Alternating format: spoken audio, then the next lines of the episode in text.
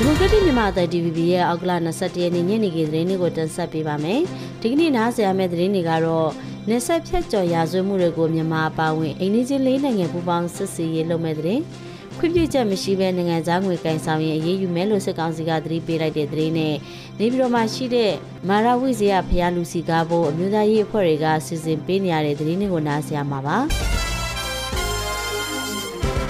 နေဆက်ဖြတ်ကျော်ရာဇဝမှုတွေဖြစ်တဲ့ online လေလည်မှုနဲ့လောင်ကစားနဲ့ဆက်ဆက်တဲ့ရာဇဝမှုတွေကိုတိုက်ဖြတ်ဖို့မြန်မာတရုတ်ထိုင်းနဲ့လာအိုနိုင်ငံတို့ပူးပေါင်းပြီးအထူးစစ်စင်ရေးတရက်ပူးပေါင်းဆောင်ရွက်သွားမယ်လို့တရုတ်ပြည်သူ့လုံခြုံရေးဝန်ကြီးဌာနရဲ့ထုတ်ပြန်ချက်အရသိရပါဗျ။ထိုင်းနိုင်ငံချင်းမိုင်မြို့မှာအောက်ကလ15ရက်နေ့ကနေ16ရက်နေ့အထိနေ့ရက်ကြာပြုလုပ်ခဲ့တဲ့အစည်းအဝေးမှာ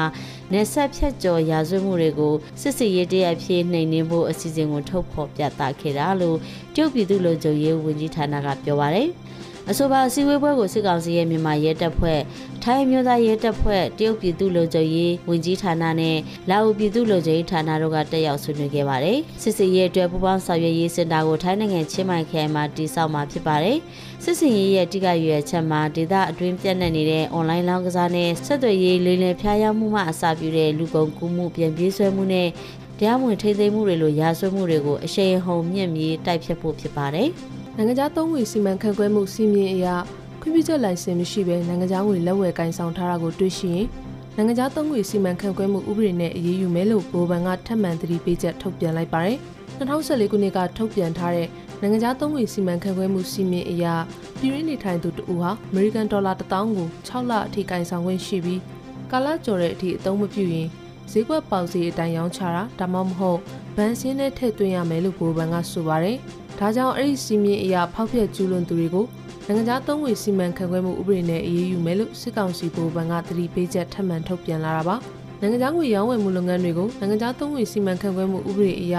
လုပ်ငန်းလိုင်စင်ရရှိထားသူတွေကသာဆောင်ရွက်ခွင့်ရှိပြီးနိုင်ငံခြားသုံးငွေဝယ်ယူရောင်းချလဲလှယ်ပေးခွင့်လိုင်စင်ရရှိသူတွေက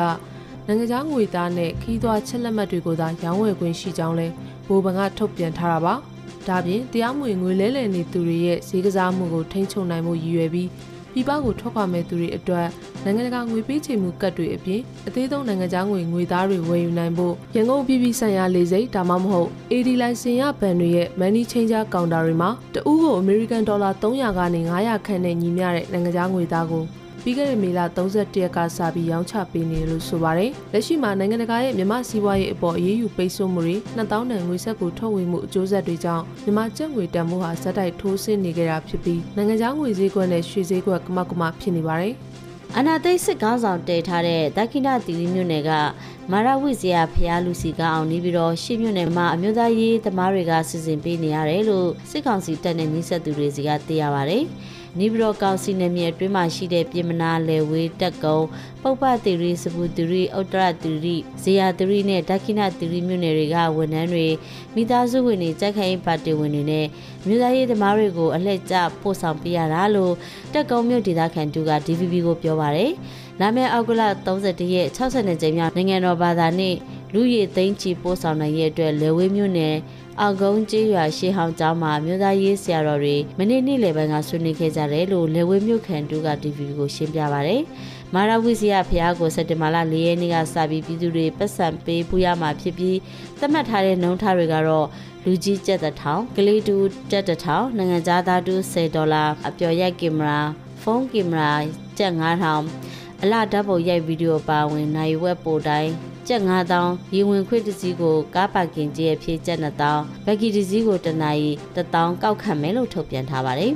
ရှမ်းပြည်နယ်လာရှိုးမြို့နယ်နဲ့ကိုခိုင်မြို့နယ်မှာတအောင်းမျိုးသားလွတ်မြောက်ရေးတပ်မတော် TNL နဲ့စစ်ကောင်စီတပ်ဖွဲ့တွေ ဩဂတ်စ်လ19ရက်တနေ့ထဲမှာရင်းထန်တိုက်ပွဲ၃ကြိမ်ဖြစ်ပွားခဲ့တယ်လို့ TNL ဘက်ကပြောပါရယ် TNL တပ်မလေးစစ်ဒေသနဲ့တပ်မ9စစ်ဒေသတွေဘက်ကိုစစ်ကောင်စီတပ်တွေဖြစ်တဲ့စကခ16ခလာရ242တပ်တွေနဲ့တခြားတရင်တပ်ဖွဲ့တွေဝင်ရောက်လာတဲ့အတွက်ကြောင့်တိုက်ပွဲတွေဖြစ်ပွားခဲ့တာလို့ဆိုပါရယ် TNL ပြောရေးဆိုခွင့်ရှိသူကအခုဖြစ်တဲ့တိုက်ပွဲတွေကပြည်သူတွေရှိတဲ့နေရာတွေမှာဖြစ်ပွားခဲ့တာမဟုတ်သလိုနှစ်ဖက်ထိခိုက်ဒေဆုံးမှုတွေကိုလည်းမသိရသေးဘူးလို့ပြောပါရယ်လက်ရှိမှာတော့စစ်ကောင်စီတပ်တွေကအင်အားအများပြားနဲ့ထိုးစစ်ဆင်ထားတာကြောင့် နှစ်ဖက်တိုက်ပွဲတွေစောင့်ကြည့်နေတဲ့အခြေအနေမှာရှိနေပေမဲ့ဩဂတ်လ19ရက်နောက်ပိုင်းမှာဖြစ်ပွားတာမရှိသေးဘူးလို့လည်းပြောပါရယ်စကိုင်းတိုင်းအထက်ပိုင်းထီချိုင်းမြို့နယ် AR မြင့်အနောက်ဖက်ကျန်းကွင်းကြီးရွာနာကတောင်ကျောပေါ်ကိုအောက်ကလ20ရက်နေ့မနေ့စစ်ကြောင်းထိုးလာတဲ့စစ်ကောင်စီတပ်နဲ့ထီချိုင်းပြည်သူ့ကာကွယ်ရေးတပ်ဖွဲ့တွေ